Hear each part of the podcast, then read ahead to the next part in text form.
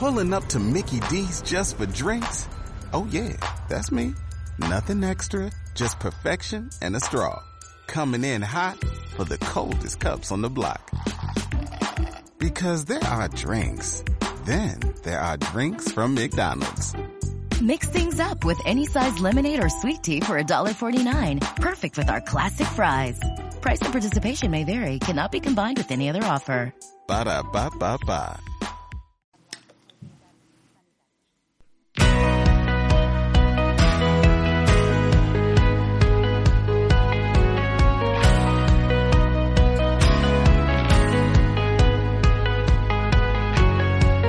Bona tarda, com després de cada ple, avui també tenim aquí un representant polític de l'Ajuntament de Llançà per explicar-nos i per donar-nos la seva opinió sobre el ple. Parlem del portaveu del PSC i alcalde de Llançà, Francesc Guiset. Bona tarda, Francesc. Molt bona tarda, Quim. Parlem del ple del dilluns 12 d'abril. Recordem també, com fem cada vegada, que el grup APL s'absté de venir en, aquests, en aquestes entrevistes de ràdio perquè estan desacord amb l'ordre establert d'aparicions. Parlem del ple del 12 d'abril. Parlem-ne. Uh, comencem per l'àrea econòmica, que segurament és la que més afecta a les vostres, a la teva regidoria. Es va delegar la potestat sancionadora uh, en, matèries, en determinades matèries de Xaloc. Xaloc és aquell, aquell ens de la Diputació, eh? Sí, correcte. És un ens autònom eh, de la Diputació de, de Girona que es dedica especial, específicament i especialment el, la, la, que és la recaptació per via de constrenyiment. Constrenyiment, perquè la gent m'entengui, significa que tu per pagar impostos o taxes doncs tens un, un, un període voluntari per fer-ho i si no ho fas, doncs llavors doncs, se t'ha d'actuar sobre el teu patrimoni particular. No? Llavors la Xaloc és, és aquest ens autònom dependent de la Diputació de Girona que té les eines com per eh, doncs, eh, doncs executar-te el patrimoni sí, en cas aquests són els que sempre cobren, eh? Exacte. Llavors, doncs, eh, clar, per nosaltres és una eina molt àgil, eh, per tots els ajuntaments, de fet, la majoria dels ajuntaments ho tenim delegat, i aquí, en l'acord que, vam pre, que vam aprovar l'altre dia, bàsicament el que, el que es ve a dir és que fins ara, tot el que és via de constrenyiment, és a dir, nosaltres, eh, concretament, el, pràcticament totes les ordenances ja les tenim delegades, però la, la relativa a infraccions a la normativa de trànsit de circulació de vehicles a motor i seguretat viària i per infraccions a normativa de gossos considerats potencialment perillosos i de, i de protecció d'animals, nosaltres els, fins ara el que fèiem era obrir els expedients sancionadors, els incoàvem, i després de fer tota la tramitació doncs, eh, doncs imposàvem la, la multa pertinent o no, en funció del resultat de la instrucció, i, i llavors iniciàvem el període voluntari de pagament. En el cas que no paguessin de manera voluntària, llavors és quan ho traspassàvem a Xaloc. Ara fem un pas més, és a dir, ara ja deleguem fins i tot la potestat sancionadora. Què vol dir això? Que la gent, eh, des de la seva PDA, és a dir, eh, quan fa la, la multa, ja la, la, gent, passarà la gent directe... de policia local, eh? Exacte, la gent de la policia local, quan fa, quan imposa la... No, Sanció bueno, quan detecta o... la infracció, quan detecta la infracció, doncs ja ho passa directament, ja passarà directament a Xaloc i és el que instruirà tota la, tot el que és l'expedient sancionador fins a la seva resolució. Això no vol Voluntari dir... i... Clar, clar, ara ho passem tot. O sigui, fins ara, eh, el que deia, la, tot el que és l'expedient sancionador depenia de l'Ajuntament. Això no vol dir que l'Ajuntament de Llançà es desprengui totalment d'aquests expedients. Evidentment, totes les al·legacions i tot el relatiu al, a, a la defensa que pugui fer l'administrat d'aquella sanció o d'aquella infracció, doncs, evidentment, qui ho resoldrà en última instància serà l'alcalde, com no pot ser d'una altra manera. Perfecte. Més coses d'economia. Donar compte de l'execució del pressupost del 2020, no? 4T 2020, què vol dir? El, el quart trimestre. Quart trimestre del 2020. I el pla d'ajust. Això és, són eh, els ajuntaments, perquè la gent ens entengui, eh, té un, uns controls interns, que és la intervenció, i després té controls externs, que bàsicament són la Sindicatura de Comptes, després el Tribunal de Cuentas i finalment també hi ha l'Administració General de l'Estat, en aquest cas el Ministeri d'Hacienda. Llavors, a través de les lleis de, que, que es van dictant, doncs, eh, hi ha sobretot uns controls dels comptes dels ajuntaments, bàsicament per controlar-nos el dèficit, el dèficit que podem generar. És a dir, nosaltres no podem generar dèficit. Dèficit vol dir quan eh, les teves despeses serien superiors als teus ingressos. Gastes més del que tens. Ah, exacte. Llavors, doncs, eh, el que hem de donar compte, doncs, a cada trimestre, a final de trimestre, quin és l'estat del, del nostre, de la nostra execució de pressupostos perquè no incorris en aquests dèficits que l'Estat, doncs, vol prevenir perquè qui té dèficit realment és l'Estat. Sí. Més coses. Uh, L'aprovació de mesures econòmiques d'ajudes i incentius al comerç local, eh, la modificació de la via pública, de les ordenances de via pública, bueno, tot això. Sí, eh, això és, eh, doncs, em, em plau doncs, anunciar-ho, ja, ja ho vam fer també a través de les xarxes i ara aprofito doncs, la vinentesa d'aquesta oportunitat que, que, que em brindes doncs, per, per, per manifestar-ho per la ràdio, doncs, que hi ha aquestes bonificacions que van eh, de la mà de les, de les mateixes mesures que van prendre l'any passat i que van ser ben, ben rebudes pel sector. I aquest any doncs, també amb les reunions que hem mantingut amb l'Associació de, de Comerciants, que també doncs, vull agrair doncs, la, doncs, a tots els seus, a la, a la Junta, que, a l'Eduard, al capdavant i tota la gent que conforma la Junta, la Sandra, en Pau, etc. Doncs, eh, doncs, que, doncs que hi ha aquesta, aquest, aquest, eh, aquest diàleg fluid no? entre uns i els altres i això ens permet doncs, eh, consensuar o poder també nosaltres explicar quines mesures podem aprovar. I en aquest cas doncs, hem aprovat la, la bonificació del 50% de la taxa per l'ocupació de via pública amb taules i cadires, és a dir... Això per aquest 2021 també, 2021, eh? sí. L'any passat era el 100%, eh? però aquest any, doncs, eh, evidentment nosaltres aquest any eh, el que volem manifestar és que mantenim, hi ha una, una, tota una sèrie de despesa estructural, hi ha una despesa al dia a dia, hi ha unes previsions, hi ha una cultura, hi ha uns espectacles, hi ha un pla d'inversions, tot això ho mantenim. Això què vol dir, Quim? Doncs, home, que si la cosa es complica, com va ser l'any passat, doncs, evidentment, la, la, el que faríem l'equip de govern és tornar-nos a reunir per prendre mesures amb més, de més d'ajuda al, al sector. Però quan s'aproven aquestes mesures, el que vull que la gent entengui és que té un impacte directe en el nostre pressupost municipal. És a dir, si tu aproves ajudes directes, significa que tens més despesa. Si tens més despesa, llevat que vulguis aprovar puja d'impostos o de taxes, doncs ho has de treure del pressupost municipal. Si tu el que fas és fer una bonificació del 50% o una exempció al 100% de determinades taxes, significa que uns uns eh, ingressos que tenies previstos per sustentar una despesa que tenies prevista, els deixaràs de tenir, per tant hauràs de deixar fer aquesta despesa. Això és el que vull que la gent entengui. Evidentment, i, i he sentit la crítica que ens ha fet, per, per exemple, l'Esquerra Republicana, eh, que ells haguessin demanat més ajudes, però també ells de manifestar que, que, que, que, que quan, quan l'oposició no, manifesta doncs, una sèrie de mesures potser més, eh, més eh, que, que, poda, que més generoses, diguéssim, en aquest sentit, doncs, home, també els hi, els hi pregunto, dic, bueno, quina és la contrapartida, no? I aquesta, aquesta és la, la crítica que jo faig a l'oposició, que evidentment, eh, per part de Guillem Cosí l'altre dia va manifestar que jo havia rebutjat la mà estesa. Bueno, jo eh, ja també li vaig dir en el ple, jo lamento mani, eh, dir a la, a la ciutadania que jo mà estesa d'Esquerra Republicana no he tingut mai. És a dir, el que va manifestar és totalment fals. És a dir, jo veia molta frustració, que en altres ajuntaments, doncs, en temps de pandèmia, doncs, tota l'oposició, tot l'equip de govern, en, en junts, en ple, doncs, prenia mesures econòmiques i jo, ne, jo li vaig dir, fins i tot me'n puc autoinculpar, vull dir que, que no hi ha... Però jo, en frustració, doncs, he vist que no he tingut aquesta mà estesa mai d'Esquerra Republicana. Sempre es buscaven titulars, sempre es, es, es buscaven lectures populistes, fins al punt que, que en una junta de portaveus, quan jo li vaig eh, eh, traslladant en, en Guillem Cosí diu, bueno, escolta'm, aquestes mesures que vols aprovar, quina és la contrapartida? Com no m'ho vas saber explicar, doncs em va engegar a cert lloc, no? I, i és clar, jo ja el que vull manifestar a la ciutadania és això, que nosaltres arribarem on te podem.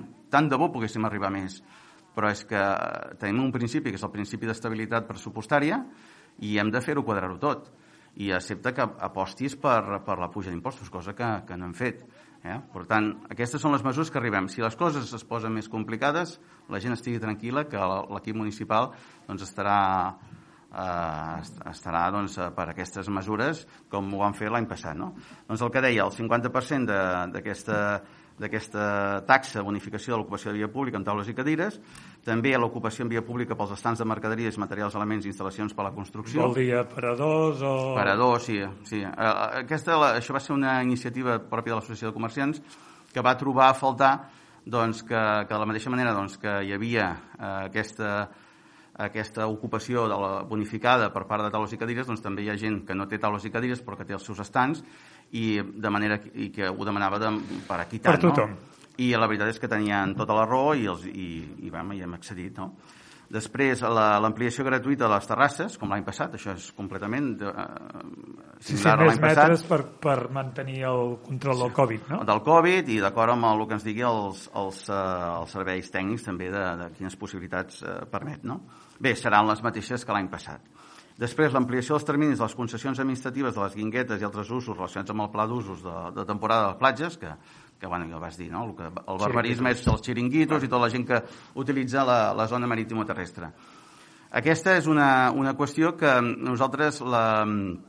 Per dos de anys, eh? Per dos, per dos. Sí. Uh, això per què? Bueno, això perquè ja saps tu que hi ha dos anys de, eh, econòmicament han sigut desastrosos, que l'any passat i possiblement aquest, que és un any més que veurem a veure com es comporta, no? Eh, I el criteri hi ha un principi, en dret, que és la- el- l'equilibri de les prestacions. És a dir, quan un es presenta en aquest, en un concurs per la licitació o per la- l'adjudicació d'una d'una guingueta o per aquests usos, doncs té una previsió, té un pla de viabilitat del que diu pot pagar. guingueta diu la parada dels caiacs, el Ah, exacte. surf, qualsevol Exacte. cosa que estigui en la zona marítima. Exacte. Nosaltres cada, cada X anys ens traguem aquestes, a, a, a concurs, diguéssim, eh, aquestes guiguetes. Llavors la gent, en funció de les previsions de, de benefici eh, que pot tenir amb l'explotació d'aquests usos, doncs fa un oferiment del pagament d'un cànon. Vale? Doncs clar, quan aquesta gent va concursar, quan aquesta gent es va presentar, va oferir un cànon, però no tenia, eh, evidentment era abans de la pandèmia, amb la qual, No amb la sabia qual no sabia exactament quina incidència tindria la pandèmia. Clar, això és un, un, un cas fortuit, és una, una qüestió doncs, que no podia eh, preveure. Llavors, davant d'aquesta situació, hi ha mecanismes legals, que és el reequilibrament de les prestacions, de les contraprestacions, que és el que apliquem.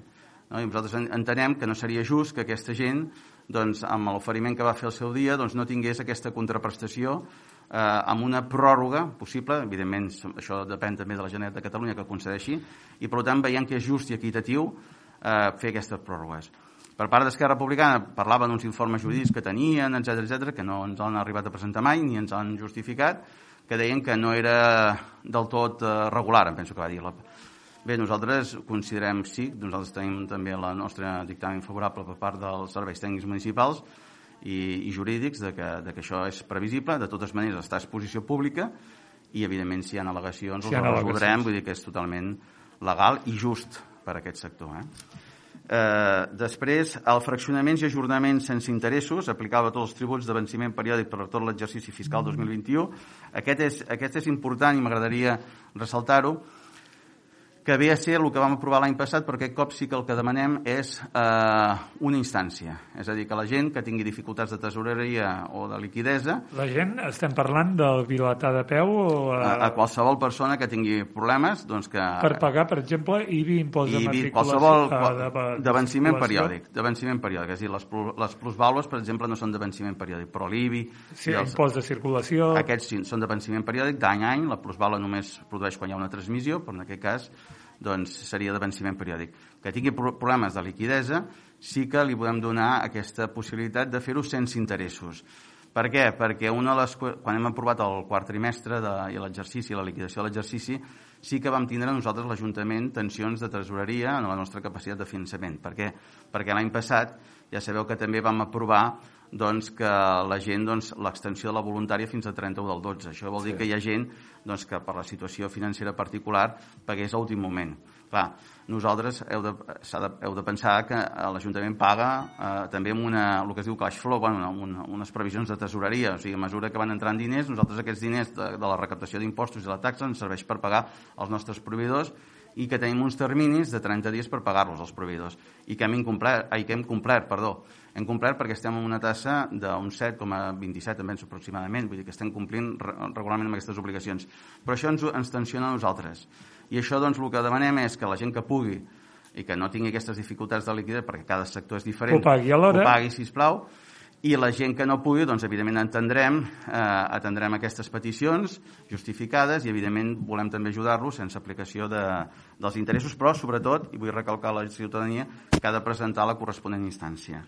Després, eh, com no podia ser d'una altra manera, una borsa de 15.000 euros a ajudes a famílies eh, i col·lectius vulnerables, que ve a ser el que vam aprovar l'any passat, i, això, i ara sortiran les bases també aprovades, i això ve a ser el que vam aprovar l'any passat i que hi ha la possibilitat fins i tot en funció de com es vagi desenvolupant la pandèmia d'aprovar-ne més. Eh? I finalment una borsa de fins a 10.000 euros també per ajudes directes en els comerços de llançar doncs, per l'adopció de, les, de les mesures de protecció. Eh, Diguem, mampares, mampares, eh, mascaretes, sí, que sí, sí. Serien- Sí. Uh, també es va aprovar el Codi de Conducta dels alts càrrecs de l'Ajuntament de Llançà. Sí, vol dir, eh, Què vol dir, que no n'hi havia fins ara? No, això, això el que ve a ser és l'aplicació d'una llei, eh, que ara l'estic... Eh, mm, que és una llei que ens va dictar la, la, la Generalitat de, de Catalunya i que el reglament el que ve a fer és eh, desenvolupar el que està previst en una, en una llei que no, ara no rec- recordo que es deia de bon govern, etc. I, i bueno, es recull els principis ètics de, els principis... Eh, Els que ja s'haurien de... Els que ja se pressuposaven, no? Exacte. Aquests principis, eh, sí, es diu la, la llei 19 barra 2014 de transparència, accés a la informació pública i bon govern. Llavors, això és una llei que, que estableix doncs, els cànons de quina és la conducta que han d'observar doncs, els alts càrrecs. Els càrrecs són els que tenen poder decisori, és a dir, no només l'alcalde i regidor, sinó els que estan al capdavant d'àrees que tenen una capacitat de decisió. Doncs aquests són els considerats els, els càrrecs i han d'observar aquest codi de conducta. El que ens demana la llei, aquesta llei 19 barra 2014, és que la desenvolupem, és a dir, que re regulem els casos d'una manera més pormenoritzada, més detallada, en quin supòsit doncs, eh, se li espera un codi de conducta. El codi de conducta i l'ètica forma part de cada individu i, evidentment, nosaltres l'hem d'observar. I això cada ajuntament fa el seu codi de conducta o ja ve predefinit de la Hi ha una part ja predefinida, després en Els funció mínims, de, no, sí, de l'exhaustivitat que li vulguis donar doncs, a, a, a les diferents actuacions, però bueno, entra dintre de, de la lògica, no? És allò que... Sí, de la, de lo que Bé, bé, la lògica, la ciutadà, lògica no? la política... eh, Bueno, per això, eh, de, malauradament, la, la política i els polítics doncs, eh, tenen eh, a vegades la sensació, l'opinió pública, és que faltem aquesta ètica, no? però bàsicament... Eh, doncs, De moment us heu fet un codi per dir-vos com us heu de comportar. Bueno, ja, ja, està, ja- ja us- ja marca alguna cosa. Bueno, nosaltres ja, ja sabem perfectament... Per, en general, no, no, no, no parlo aquí llançar, Sí, eh? no, no, en nosaltres... general. Home, eh, tot el que és l'opinió pública, ja veu les notícies del dia a dia, doncs el que, el que passa a nivell de política, i això, malauradament, doncs, desprestigia la nostra, bueno, la nostra professió, anava a dir, la nostra dedicació a la política, però això no vol dir que la gran majoria dels polítics de- d'aquest país doncs, observem aquestes regles. Que Déu l'escolti. Aprovació definitiva d'organització i funcionament del reglament del Consell de Barris. Això ja està bastant en marxa. Com ho tenim? Sí, el Consell de, de Barris és un òrgan eh, consultiu, eh, formava part de, de tant del programa electoral de Junts com del PSC, amb la qual doncs, ens va ser fàcil entendre'ns doncs, tirar endavant aquesta proposta. I ve a ser doncs, que moltes vegades, doncs, eh, com est... que, evidentment, el que volem és obrir a la ciutadania doncs, la participació a, a la política, és a dir, volem que se sàpiga és, un, és el que es diu en feedback, no? és a dir, nosaltres expliquem els projectes que tenim a nivell municipal a veure si són ben rebuts o no per la ciutadania. També ens interessa molt copsar l'opinió de la, de la ciutadania, perquè a vegades la gestió pública eh, nosaltres la fem des del despatx, també trepitgem els carrers, lògicament, però vas relacionant, eh, intentes relacionar-te amb tot el poble, però sí que entenem doncs, que, la, que, la, que fer aquests consells territorials de, de barris ens pot ajudar a rebre totes aquelles queixes, a totes aquelles iniciatives, tot el que es pot promoure a nivell de cada barri, perquè cada barri té la seva singularitat, la seva, la seva problemàtica, i apostar. I a funció d'això establir unes prioritats de la gestió del govern. Tot això s'ha de tractar en un, en un, en un Consell General de Barris, que és on eh, a nosaltres ens arribarà com a polítics doncs, quines són les directrius que ens marca el poble o que són els interessos del poble, més que tot perquè no hi hagi aquesta desconnexió, que no hi és, sota el nostre punt de vista, però per evitar qualsevol risc, doncs volem. No? Eh, va haver una al·legació per part de, d'APL que deia que volíem polititzar-ho. No, no, més, no, no hi ha, és, és, és, el contrari. Nosaltres el que volem és al revés, que la gent participi i, i de polititzar-ho res, perquè lògicament estarà presida per l'alcalde o per l'alcaldessa, hi haurà la presència de tots els regidors de tots els colors i després tindrem el, el, els, tots els participants que vulguin contribuir. Com es farà aquesta participació? Doncs ara aprovats el reglament i després de la eh, publicació, no? hi ha un, un termini legal de, de publicació per la seva entrada en vigor, doncs farem una crida a la ciutadania també a través de lo que s'anomenen unes assemblees constituents, és a dir, barri per barri, eh, els diferents sectors que hem, que hem, que hem establert en el reglament, doncs es, es, es cridarà la ciutadania per participar, no sé si a la Casa de Cultura, però evidentment respectant els distanciaments, les, les previsions d'aforament, pot estudiar-se fer-se de manera telemàtica, etc. A veure quines persones volen intervenir. Llavors, les persones que vulguin intervenir i participar-se tindran que ser avalats pel Consell, per l'Assemblea Constituent. Aquesta Assemblea Constituent, doncs, un cop constituïda, doncs, formarà doncs, aquests cinc representants del barri que han de, tindre, han de residir en el barri o bé han de tindre una vinculació directa al barri, per exemple, tindre una botiga en aquell barri. És a dir, Llavors, en sí. O sigui que si algú vol fer, formar part del Consell del Barri de Grifeu, com a mínim ha de viure a Grifeu. Ha de viure a Grifeu. O si algú vol de la vila, doncs pot estar a la vila, però, lògicament, hi ha de viure o ha tindre botiga. Llavors, llavors, llavors, amb això doncs, tindrem aquests cinc consellers, diguéssim, juntament amb els càrrecs polítics que ho presidiran. I irem tractant els assumptes en concret de Grifeu, de la vila, d'on sigui. I després aquestes qüestions es portaran al Consell General de Barris, que és on eh, tot. I aquí es tocaran temes de transcendència municipal, com pot ser fins i tot la inclusió en el pla d'inversions o, o les, bueno, la, la, lògicament amb l'última decisió la té l'equip de govern, com no pot ser d'una altra manera. Però sí que ens vol saber doncs, a l'hora de confeccionar els pressupostos, que és on te dirigeixes tu l'acció política, doncs què és el que li interessa a la gent apostar. No? I llavors això permetrà molta comunió. I també els polítics ens servirà molt per explicar-nos els motius de les nostres decisions no? perquè hi ha decisions que a vegades són polèmiques, a vegades es poden tergiversar, eh, es poden entendre malament, doncs evidentment amb, aquesta, amb aquest feedback que hi haurà doncs ens, ens sentiran a nosaltres perquè nosaltres no prenem decisions capritxoses, sinó perquè realment no hi ha altra, altra decisió que prendre. Llavors la gent pot entendre, pot discutir i evidentment també li pot servir al polític rectificar si, si, si ens hem equivocat. D'acord. Uh, com es triaran els, sigui, hi haurà un Consell General, no? Sí. I qui triarà aquest Consell General? Primer s'ha de constituir l'Assemblea... O sigui, l'Assemblea... L'Assemblea... L'Assemblea Constituent. L'Assemblea està formada per... L'Assemblea Constituent és, eh, és, el, és una crida que fem nosaltres des del govern, o des de l'àrea de participació ciutadana, es farà una crida a tota la gent del barri. Qui vol participar... Això a cada barri. Al, exacte, a cada barri. I per la part política hi haurà... A la part política sempre hi haurà. Grup, no? Sempre hi haurà.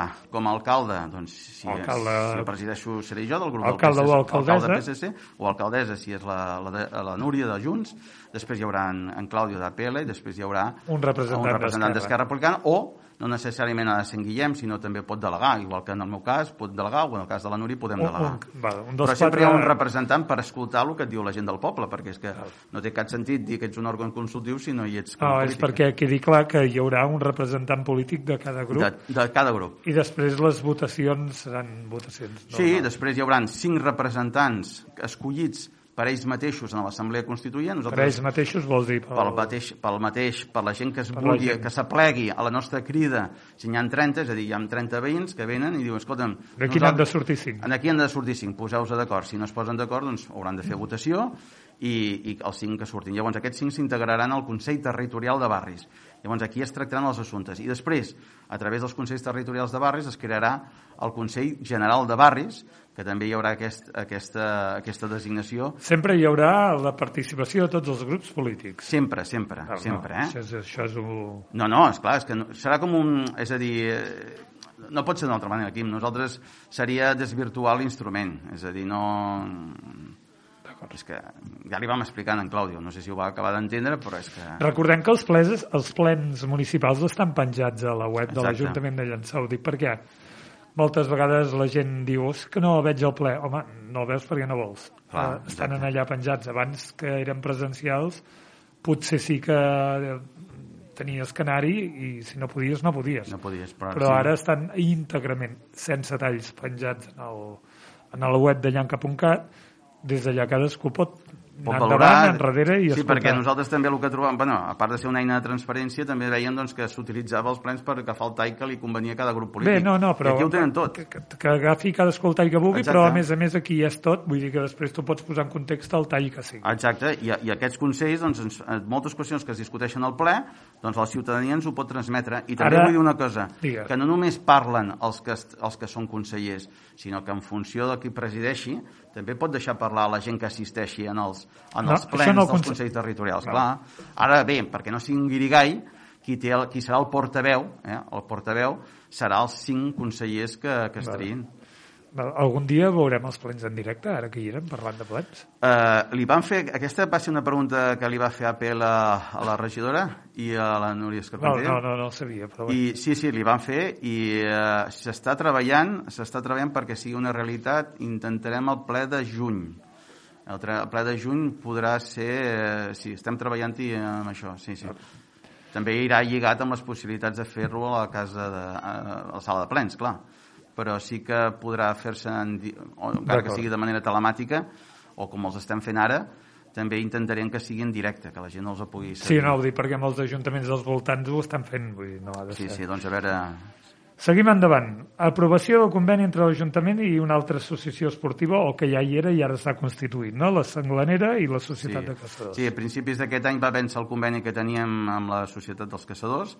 Eh, que L'associació Sanglanera fins ara era una secció dintre de la Societat del, dels Caçadors, es deia, si no recordo malament, la Colla del Senglar, i ara, doncs, amb, per motius eh, de la pròpia dinàmica de les associacions, doncs, han volgut tindre la seva pròpia entitat, eh, la seva personalitat jurídica pròpia independent, i es diu això, l'Associació Esportiva Sanglanera. d'acord. Llavors, simplement és reproduir el, el conveni que ja teníem abans de la utilització de la, de la barraca dels caçadors juntament amb l'aparcament. Entre ells ja s'ho han parlat, s'ho han, evidentment és una qüestió totalment pacífica i es firmarà a tres bandes, és a dir... Quan hi ha caçadors val més que sigui pacífic. Sí, sí, ho és, ho és. No, no hi ha hagut, no hi ha hagut gens de dificultat. Ah. Hi ha hagut bona entesa entre les diferents associacions i també per part de l'Ajuntament i per tant no, no hi haurà cap inconvenient. Aprovació de concessió administrativa a l'Institut Català de la Salut. Bueno, això ja ho han explicat, eh, ho va explicar la Núria l'altre dia i també en, en Guillem. Eh, aquí simplement era una petició que ens havia, ens havia arribat per part de l'ICS, de l'Institut Català de Salut, de que doncs, per les qüestions de la pandèmia, per tindre més... Eh, eh, la gent doncs, no s'acumulés tant a les entrades, hi hagués una entrada i una sortida independent, etc. Ens van demanar si eh, els hi cedíem aquest espai que hi ha al costat al marge dret, que hi ha unes carpes ara eh, fi- posades. On fan les PCRs. Exacte. I nosaltres, evidentment, com no pot ser d'una altra manera, hi vam accedir. Eh, ja bueno, hem fet aquesta concessió administrativa eh, al seu favor, eh, gratuïta, lògicament, i, evidentment, sempre eh, qui ostenta la titularitat en últim terme en aquest espai és l'Ajuntament de Llançà, que el pot, el pot recuperar un cop s'acabi la pandèmia eh, o, o quan nosaltres creiem que, que es pugui recuperar. Més coses. Assumptes urgents. Aprovar l'expedient de contratació de la concessió d'obres i la redacció del projecte de construcció i explotació de les pistes de pàdel que hi ha entre el camp de futbol i la llar d'infants, perquè ens entenguem, Sí. per un valor de 225.423 euros. Sí, aquesta és un tipus de, de contratació. Això va vendre... Bueno, això ja va néixer en temps de, de quan estàvem al govern amb Esquerra Republicana i, i amb APL, va ser en aquest cas en Claudio Grande, que va ser una persona doncs, que va impulsar juntament amb l'àrea d'urbanisme doncs, eh, que, que, que en aquell cas també la, la jo, doncs, per tirar endavant aquest projecte. Em sembla ens ha, ens ha semblat molt interessant doncs, que hi hagués aquesta instal·lació esportiva eh, a llançar. La ubicació ja l'has definit tu perfectament. Llavors, doncs, eh, prèviament doncs, eh, va ser necessari per part de la meva àrea de modificar els usos. Eh, llavors, eh, eh, tal com diu el dictamen, doncs, eh, un cop es va aprovar, eh, abans d'aprovar definitivament, es va tindre que fer una modificació puntual, en concret la, la 19 del Pla General d'Ordenació Urbana, doncs, per definir aquest sistema, aquest, aquest parc, aquest tall on hi va ubicada, doncs, com un sistema d'equipament esportiu eh, per poder fer aquesta implantació. I després, pre, eh, posteriorment, aquesta iniciativa eh, que hi havia en el govern, que estava amb la Esquerra Republicana, doncs va ser també acceptada, perquè considerem també que és d'interès públic, tant quan, quan vam conformar el govern amb, amb en Junts per, per llançar, i, i el PSC, i, i després va seguir, el, el, qui la va seguir doncs, va ser en Juanjo Serran i finalment l'Estefan Joanola. No? Llavors, amb, ja en temps en, entre en Juanjo Serran i, i l'Estefan Joanola doncs, es va fer el, el pla de viabilitat, és a dir, la llei de contractació ara ens obliga, abans de fer una determinada infraestructura, a veure si és viable econòmicament, perquè si no hi ha aquelles infraestructures que després no acaben explotant-se mai, queden abandonades. En aquest cas, el, el pla de viabilitat va sortir favorable, el vam aprovar, i ara el que es tracta és aprovar les bases administratives i tècniques doncs, de licitació i aquí el que es farà, tal com molt bé has llegit, és la redacció, la construcció i l'execució d'aquesta instal·lació esportiva i que irà en la línia, eh, també ja perquè la gent ens entengui, quan nosaltres eh, volem tirar endavant que el projecte mm, eh, bàsic ja està aprovat del nou centre de, per gent gran que tenim previst executar ja l'Avinguda Margarits, doncs serà la mateixa, la mateixa, la mateixa tipus d'obra, molt similar.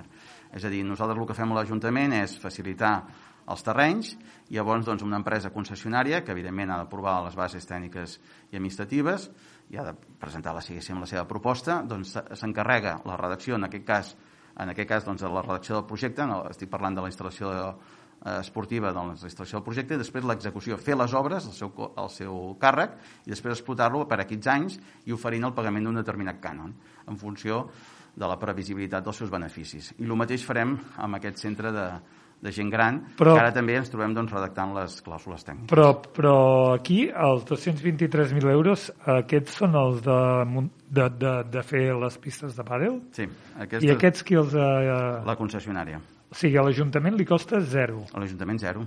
L'empresa que guanyi el, el concurs que hi hagi o que I sigui... I ha d'invertir aquests diners... I ha d'invertir aquests diners com a mínim, entenc, no? Clar. Com després, en funció, després poden ell, fer millores... Ell s'ho munta, ells tal, i després dintre del projecte que ha presentat, ja, evidentment, que és el que s'ha aprovat... Clar, ens han de presentar unes tarifes, Val. ens han de presentar doncs, bueno, un, en funció, llavors ho han d'adjudicar... No, no, era, era perquè quedés clar que l'Ajuntament, el cost és zero. Zero. O sigui, l'Ajuntament, com fem també amb el centre amb, el, cent, amb, el, amb la residència per gent gran que volem fer a Avinguda Margarits, és el mateix, és el mateix sistema. L'Ajuntament cedeix el que és el, tot el terreny i a partir d'aquí l'empresa concessionària amb els seus propis mitjans econòmics, és a dir, l'Ajuntament hi posa diners, doncs eh, executa el total de l'obra. I què vol dir la concessió administrativa? Doncs que acabi, al cap d'X anys, quan s'acabi la concessió administrativa, 30, 15, 30, 50, 30, 30, 50 anys, en funció, clar... Les, ha de recuperar les, com a mínim aquests calés. Clar, les empreses, bueno, com s'han fet les autopistes, no? Les, les autopistes... No, no, no parlem de les autopistes. Bueno, però ara recuperaran, no? Però Uh, no m'ho crec. Bueno, ja, ja, ja, això ja, ja ho parlarem en un altre moment. Ja Però el mateix, és a dir, l'Estat, o en aquest cas l'Ajuntament de Llençà, l'administració, sí. Cedeix els terrenys, es fan les obres i al cap d'X la recupera en titularitat. Perfecte. Seguim endavant. Avui anem bé de temps, eh? Au, au. No, no, anem bé, perquè avui estem allò mig acabant i bé. Vale, vale. Aviam, va haver-hi una moció conjunta entre Junts per llançar el PSC i van haver-hi esmenes que van aportar Esquerra Republicana sobre el parc eòlic que es volia fer aquí sota el camp de Tiro perquè ens entenguem i una mica més avall. Sí. Just l'endemà de que vingués la, la regidora la Núria Escarpenter també va sortir la notícia d'ahir Eden Salvem l'Empordà que degut a l'àliga barrada, el corredor ecològic... La barrada Cua barrada. Cua barrada, què he dit? I la tortuga mediterrània, I la tortuga també, mediterrània. també deia, sí. I, bueno, això. Va, també hi havia... Eh, hi ha algú... Bueno, aquí el, el, en, el, en les consultes que ens va fer la Generalitat, això, això ve de, de la llei de transició ecològica, de eh, transició de, de, de, energètica, energètica d'abandonament de lo que són les energies fòssils i l'aposta per les energies renovables que, evidentment, l'estat espanyol està impulsant, eh, d'acord amb la Unió Europea, perquè s'està parlant a nivell científic doncs, que estem a punt de travessar el punt de no retorn i que podem trobar un, eh, ens trobem un col·lapse. No? Llavors, sí que s'impulsa també per part del govern de l'Estat, de fet ara tots aquests fons europeus que han de venir, doncs una part important es parla de, de, de l'aposta d'energies renovables i fins i tot la substitució dels vehicles mm, que utilitzen combustible fòssil per combustible per elèctric o els hidro, eh, parla de la hidròlisi, etc doncs, eh, d'anar substituint-los perquè la font de contaminació no només és perjudicial pel medi ambient, sinó per la pròpia salut. Llavors s'està apostant. Llavors, fruit de que tota aquesta legislació a nivell europeu i estatal, la Generalitat eh, de Catalunya va dictar un decret llei també per impuls. Uh, uh, la Generalitat, evidentment, doncs això doncs, ha fet una consulta prèvia, que és una aquesta ponència que feia referència, i aquesta ponència ha fet unes consultes als ajuntaments doncs, de, en funció de les iniciatives o les peticions d'empreses de, determinades que es dediquen al, al subministrament o a la generació de... Enel, Endesa, Enagas... Eh, sí, en aquest cas, en el cas de Llançà era l'empresa Enel. I llavors, que és filial d'Endesa, no? Oh, sí, exacte. I llavors, doncs, totes aquestes empreses el que fan serà eh, presentar projectes particulars. En el cas de Llançà, eh, com altres llocs, Arròs tenen, tenen la seva pròpia problemàtica. Arròs té un problema molt gros. Exacte. Però a Llançà també, per la pròpia orografia, hi havia la possibilitat de posar eh, dos aero, aerogeneradors, un com en, en la zona dels turons de Campamar, que és, eh, que és el, un era, com has dit molt bé, aquí a la... Sobre el camp de tiro, no? Sobre el camp de tiro, aprofitant doncs, el que era eh, aprofitant també com a lloc de canalització després de les infraestructures que es volien fer del, del que és la Riera de Madres, i després l'altre també eh, un pèl més amunt, aprofitant el camí de Villordí. I el, el, perquè ens entenguis el que va a Sant Silvestre. Sí. Llavors, aquí nosaltres, per part de l'Ajuntament, ens hi vam oposar perquè eh, considerant doncs, que és un lloc de migració d'aus, que és de protecció, que és un valor patrimonial de l'Albera Marítima, precisament. I imagina't allà dos piles de 200 metres... És a dir, sí, sí, les, terrible. La, els, el, diguéssim, tot el que és la instal·lació són 200 metres d'altura i, la, i, la, i després el que la gent se no en diu és l'ocupació en superfície, que és 1,2 hectàrees. És una barbaritat i, i és clar, eh, això doncs, té una incidència directa. Clar, què és el que ens diu el decret de llei de la Generalitat de Catalunya? El decret llei de la Generalitat de Catalunya ens diu que ens hem de començar a acostumar a tindre com a visuals l'existència d'aquests molins de vent en el nostre territori. Aquí, doncs, eh, jo particularment, eh, com a alcalde i com a regidor d'urbanisme, no, no hi puc eh, estar d'acord Evidentment, aquestes visuals les pots tenir, doncs l'altre dia en parlava en Guillem Cosí acertadament, eh, en, en llocs on hi hagi estat trinxat el territori. Per exemple, ara en parlàvem abans de començar autopistes, autopistes o, el, el on hi ha la mat o... Exacte, llocs que ja, ja, ja hi ha unes... Ja se'ls han carregat. Per Exacte, clar. aquestes infraestructures doncs, posa'ls allà i pots aprofitar, però no cal que eh, ara doncs, implantis això en sol no urbanitzable. Eh, per què? Perquè nosaltres considerem que l'Albera Marítima, que és aquest espai de llançar, que juntament amb Colera, amb Portbou, Port de la Selva, etc, que està entre el Parc Natural del Cap de Creus i el Parc Natural de l'Albera, doncs és, és un lloc de, que s'ha de protegir. Què va fer l'Ajuntament de Llançà? Va prendre la iniciativa i va encarregar informes pericials amb empreses especialistes, sobretot en fauna i flora, amb impacte acústic i també de protecció del nostre eh, valor patrimonial, que són les pedra, parets de pedra seca, búnkers, eh, etc. És a dir, també mm, jaciments prehistòrics que tenim eh, i també el preromànic que, que forma part del nostre patrimoni. I nosaltres vam considerar que no, que en aquests espais no, no cal posar eh, o no val eh, no s'hi pot posar perquè és un valor patrimonial. No, no podem estar d'acord en que ens hàgim d'acostumar a aquestes visuals, perquè es forma part del nostre patrimoni cultural i, i de, de, de, del nostre poble, de l'entorn, de la comarca i, i fins i tot del país, no? I llavors, doncs, eh, això, doncs, ara hi ha hagut la resolució, finalment, per part de la ponència de, de la Generalitat de Catalunya, on doncs, considera que no és viable aquests projectes al municipi de Llançà, amb la qual doncs, eh, ens hem de felicitar per la, per la notícia perquè d'alguna manera doncs, eh, es té, eh, es té, eh, ens té en compte no? el, el municipi doncs, de, de la nostra voluntat de, i aquesta voluntat de l'equip de govern de, i, de, i del total del consistori, és a dir, Esquerra Republicana i APL també estan d'acord, entenc, de que volem apostar per les energies renovables però no a qualsevol preu, és a dir, volem fer-ho d'una manera ordenada, d'una manera doncs, que, que contemplin les infraestructures que ja són preexistents. I d'aquí és la nostra queixa, que moltes vegades des de la Generalitat es decideix des de Barcelona i no des del municipi, és a dir, no es té cap respecte a l'autonomia local. I el que lamentablement haig de dir és que la nostra llei d'urbanisme, de la, la llei d'urbanisme del país, de Catalunya, doncs eh, té instruments per imposar-ho a través de plans especials autònoms, per exemple, que es decideixen únic i exclusiu des de la Direcció General. I això és el que ens volem, eh, el que ens queixem, que es tingui en compte sempre el territori. I el que hem demanat des del Consell Comarcal i des de la Diputació i també des de l'Ajuntament de Llançà a través d'aquesta moció és que es faci de manera ordenada, sortir unes directrius i, amb, és a dir, de la mateixa manera que vam fer el Pla Director Litoral de, de sols sostenibles per, per el tema de la, de la regulació de quin era el màxim de residencial que es podia fer al costat de la costa, etc. Doncs demanem el mateix, que hi hagi un pla director a nivell de país, de país que, que escolti els entesos en la matèria, en aquest cas la Universitat de Girona, els diferents, eh, els diferents departaments, sectors implicats, perquè ho facin de manera ordenada la implantació d'aquestes energies, però que no es poden posar dos o tres aerogeneradors, perquè hi havia un tercer també previst a l'altura de terrer, perquè ens, ens, ens trinxarien, ens destrossarien tot el nostre valor patrimonial de Llançà i com altres molts municipis. I per tant és el que demanem, que hi hagi un pla director i que també tingui plena observança amb el que és un altre planejament a nivell de país que es diu els plans territorials totals i parcials, que els parcials són, et diuen exactament en quins, per exemple, de la comarca o de la província de Girona, diuen en quins llocs doncs hi ha la possibilitat de fer aquest tipus d'instal·lacions. Però no, no ens els poseu en els parcs naturals o a prop del, dels parcs naturals, que com molt bé deies, és el corredor, el corredor de, de migració de l'àguila cuabarrada. Val. Queda entès. Per sort això ja ens ho estalviem eh. i és un tema que si res no canvia ja no, no, no tindrem aquí aquests dos armatostes. Sí. Anem als pregs i preguntes. Pregs i preguntes, doncs, eh, van, van ser molts de gestió pública, es va parlar de, es va parlar doncs, de la, del, dels patinets famosos, no?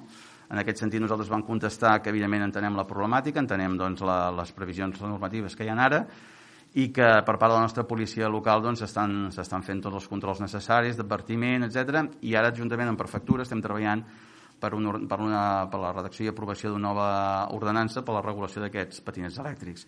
També es va parlar d'autocaravanes, eh, no, això per part d'Esquerra Republicana.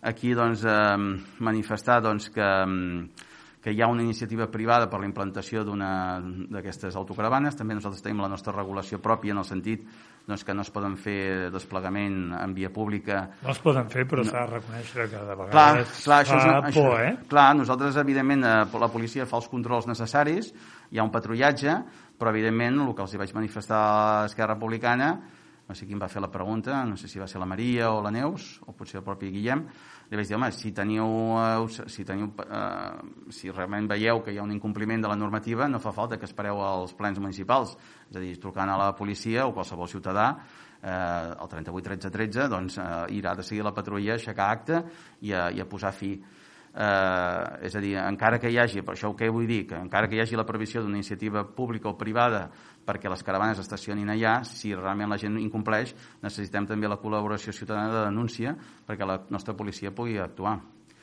Després, més assumptes que ens van presentar, bueno, sempre per part de l'APL la, la biblioteca, eh, bueno, hi ha la previsió d'una ampliació de la, de la nostra biblioteca, eh, que crec que s'ho mereix, a més a més aquest any eh, celebrem doncs, el seu 20, el 20, els 20 anys, els 20 anys de, de la biblioteca, per tant sí, és una qüestió que creiem que la ciutadania ens demana eh, i hem treballat, hi havia un projecte d'una gran biblioteca però que també anava lligada a una sèrie de subvencions que havien d'arribar de la Generalitat i la Diputació però que malauradament, atès la situació econòmica, doncs no han arribat, però sí que l'equip de govern hem volgut apostar per aquesta I hi ha hagut un informe de l'ACA, no?, també, amb això d'aquesta... Sí. Això és el, el lloc on, està, on hi havia la previsió d'instal·lar-se, que era aquí, aquí darrere, aquí darrere la Casa Cultura, doncs eh, tots aquells terrenys abans de, de l'aprovació del pla director litoral eren llocs que s'hi podia edificar. La prova d'això és que el propi CAP, eh, el propi CAP, està, està en, en zona inundable en aquests moments. Ah, uh, o sigui, ara el CAP està en, clar, en zona clar, que han declarat clar, inundable. Tota aquesta zona d'aquí darrere... I què hem de fer, treure'l?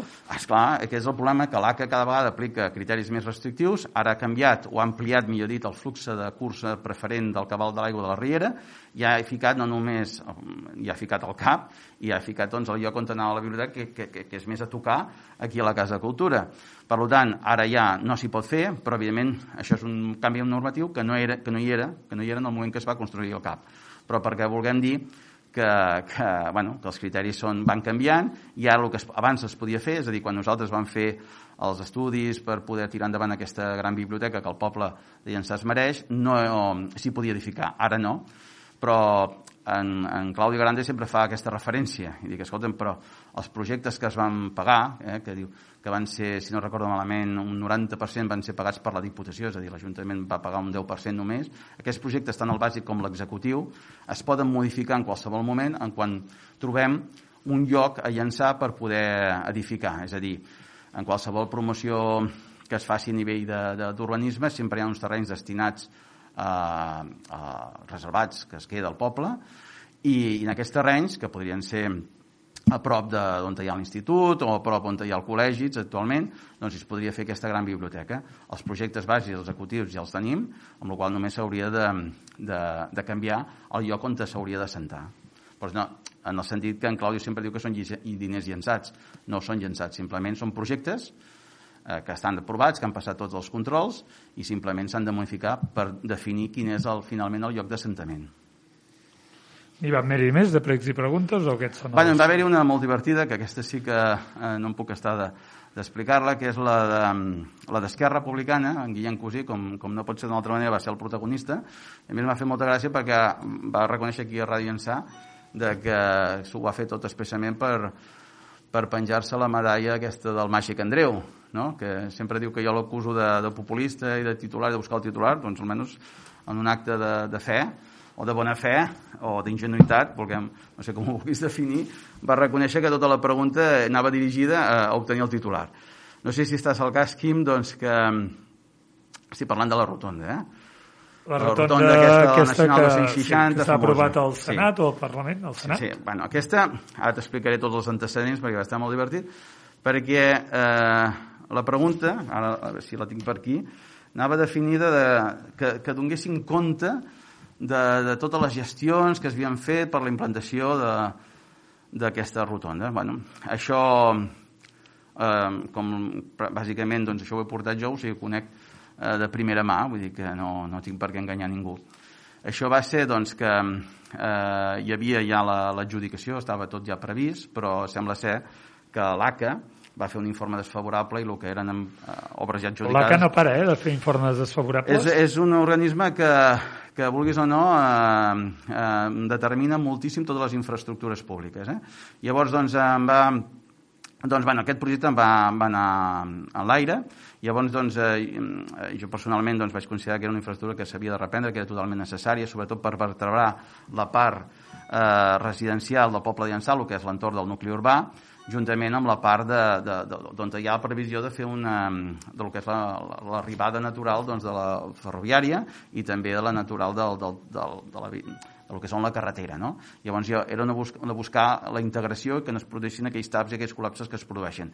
A part també és necessari per unir la part d'abans de la Riera, després de la Riera, sobretot per si hi ha previsió finalment de fer-hi una zona industrial, que és el que també volem a nivell urbanístic. Bé, doncs això doncs, ho, vaig, ho vaig prendre també com un repte personal per tirar-ho endavant i, bueno, i amb la, insistint moltíssim, sobretot amb el govern de l'Estat, de que era necessària aquesta previsió, finalment vam aconseguir de que hi hagués una previsió pressupostària dintre dels, dels pressupostos generals de l'Estat que ja s'han aprovat, en una partida general destinada a la província de, de Girona. A partir d'aquí s'havia de fer tot el projecte, tots els projectes, això evidentment ho estem treballant directament al Ministeri del Fomento, ja hi ha un avantprojecte força avançat de com ha de fer-se la, la, la rotonda, però encara cada, eh, queda per acabar alguns esculls, sobretot el cost, que evidentment a veure qui és el que paga la festa. Nosaltres, evidentment, des de l'equip de govern estem intentant que qui pagui eh, la, la gran o, la, o quasi la totalitat de la inversió doncs, sigui l'Estat, perquè evidentment és una Nacional 2, cert que passa per llançar i ens ajudarà molt a tot el que és la, la circulació, però entenem que és una, una responsabilitat de l'Estat i així ho estem transmetent. Bé, estem en aquesta fase de negociació i llavors en el ple doncs, en Guillem m'estava demanant moltíssim, moltíssim informació, informació.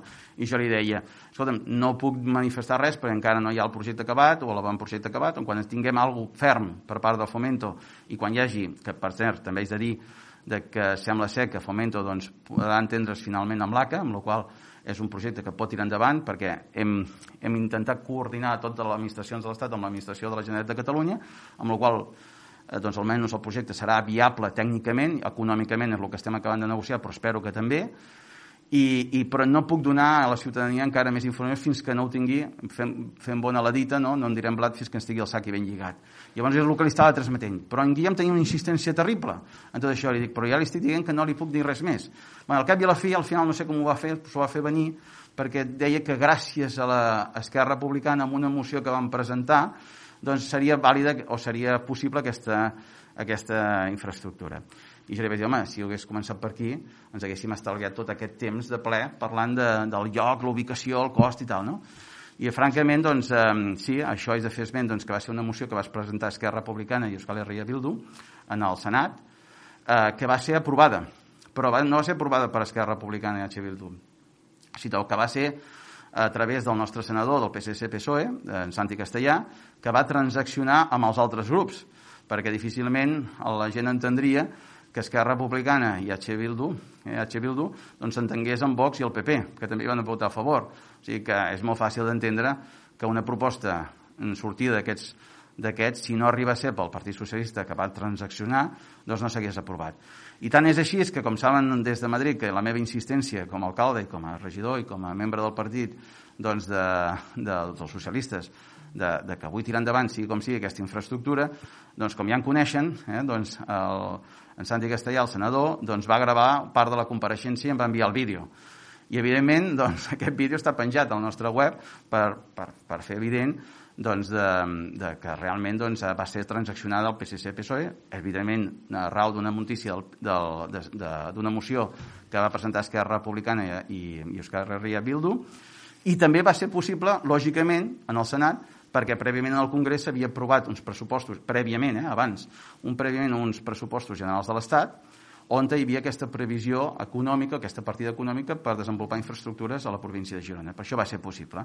Per tant, doncs, eh, simplement volia aclarir-ho a nivell de ciutadania i que, evidentment, si Esquerra Republicana vol ajudar el poble de Llençà, el que ha de fer és ocupar-se de, de que convèncer els seus, sobretot els que estan al Departament de Patrimoni de la Generalitat de Catalunya, perquè hi hagi una sessió gratuïta de Casa Marli, que nosaltres com a govern municipal encara no ens hem sortit, ho hem estat demanant, però com els seus són els que demanen al Departament de Patrimoni i poden, els hi poden fer canviar d'opinió, doncs que facin insistència ja eh, que, que ells ho poden canviar. Eh? I llavors doncs, jo els reitero la, la meva petició de que, que prenguin esforços perquè Casa Marli sigui una sessió gratuïta eh, el més aviat possible a favor del poble llençà i també al respecte doncs, qui vulgui consultar a la web del PSC també hi ha un, un, vidre, un vídeo eh, demostratiu de per què eh, la Generalitat de Catalunya, en aquest cas el Departament de Patrimoni, doncs, doncs cobra a l'Ajuntament de Llençà 72.000 euros per, per Casa Marli. Passat de la rotonda a Casa Marli, com aquell carrer. La rotonda per quan no bueno, concretament, eh? Casa Marli Quins... ve, ve l'esforç que té, la dedicació que empra Esquerra Republicana a, a dir-nos a nosaltres, al Partit Socialista, que desencaiem el tema de la rotonda, doncs evidentment nosaltres hi podem fer perquè a Madrid doncs, hi tenim les majories per fer-ho possible. Jo, jo que jo pregunto però, més o menys però Esquerra quan... Republicana també les majories en el part... bueno, la majoria no. A la Generalitat tu ara truques i no hi ha ningú. Bueno, sí, però el Departament de Patrimoni fins ara el regenta un senyor que és d'Esquerra Republicana i el que està per sobre del Departament de Patrimoni ah, és el senyor Aragonès, que també és d'Esquerra Republicana. Per tant, el que ha de fer Esquerra és, evidentment, agraïm eh, l'interès i l'entusiasme que té per qüestions de estatals. Però, home, que podem fer coses pel poble a nivell de la Generalitat, que s'hi dediqui, que ja prou feina té. O que ens interessa, o que parlàvem, la rotonda, quan, quan més o menys creiem que podria estar feta? Doncs la rotonda ara mateix està en una fase de, de projecte i de càlcul. Més o menys, eh? Més no, o menys. No, no demano que diguis... El... Ara, teòricament, eh, jo estic eh, pressionant moltíssim perquè i puguem redactar un conveni. Un conveni què significa? El conveni vol dir el compromís de l'Estat en treure diners d'aquesta partida eh, reservada a la província de Girona per executar aquestes obres. D'aquí del eh, no? Em sembla que van juntes. Bueno, el més aviat possible. Jo el que interessa, el que, el que m'interessa ara és, eh, és reservar aquests diners per poder fer. Un cop tens reservat ja tens el compromís. Però ara sortint d'aquí, si algú et diu quan tindrem la rotonda, li pots dir d'aquí 3 anys? Sí, jo crec que sí. Ara.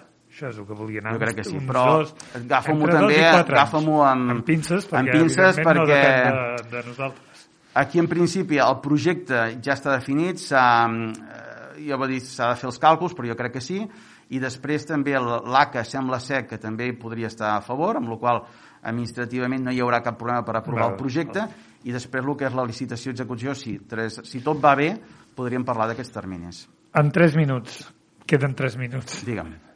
Bueno, Sant Jordi, bé, ja està, anar prou bé, ah. bueno, sí, però ja... Sant Jordi llançava. Ah, sí. uh, això és aquesta setmana ja. Sí. L'any passat no va haver-hi absolutament res, no aquí, ni aquí ni enlloc. Sí. Des de l'àrea de promoció econòmica i amb els 20 anys de la Biblioteca Pere Caldés s'estan fent coses. Des d'aquí a Ràdio Llançà també tenim un podcast, per cert, que s'explica tots els, sí.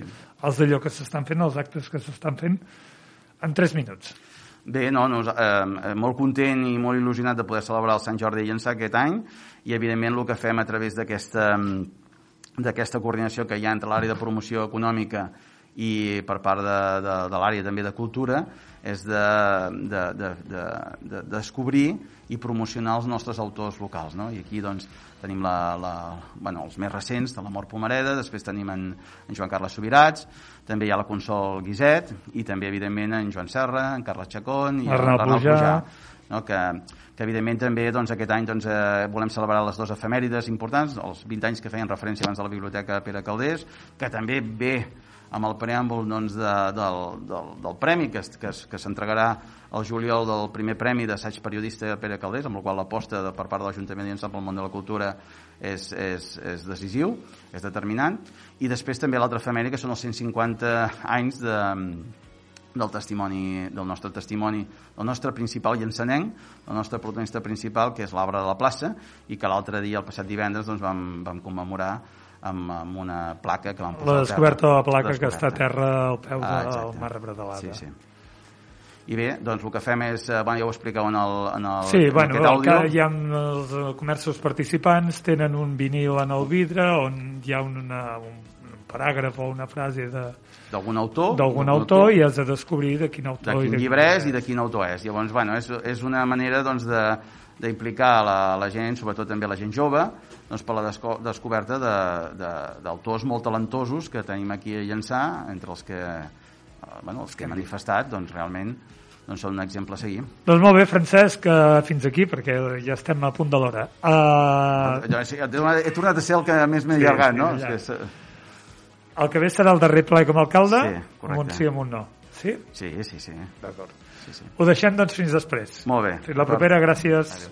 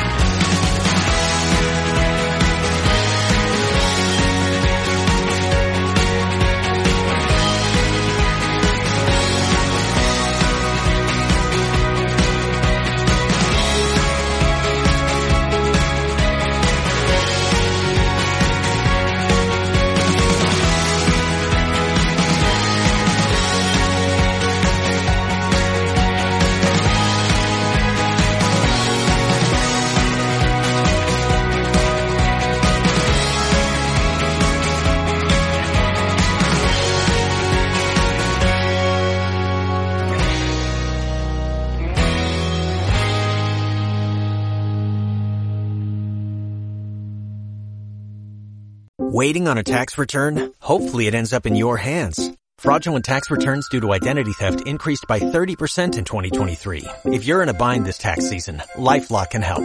Our US-based restoration specialists are experts dedicated to helping solve your identity theft issues. And all LifeLock plans are backed by the Million Dollar Protection Package. So we'll reimburse you up to the limits of your plan if you lose money due to identity theft. Help protect your information this tax season with LifeLock. Save up to 25% your first year at LifeLock.com slash aware.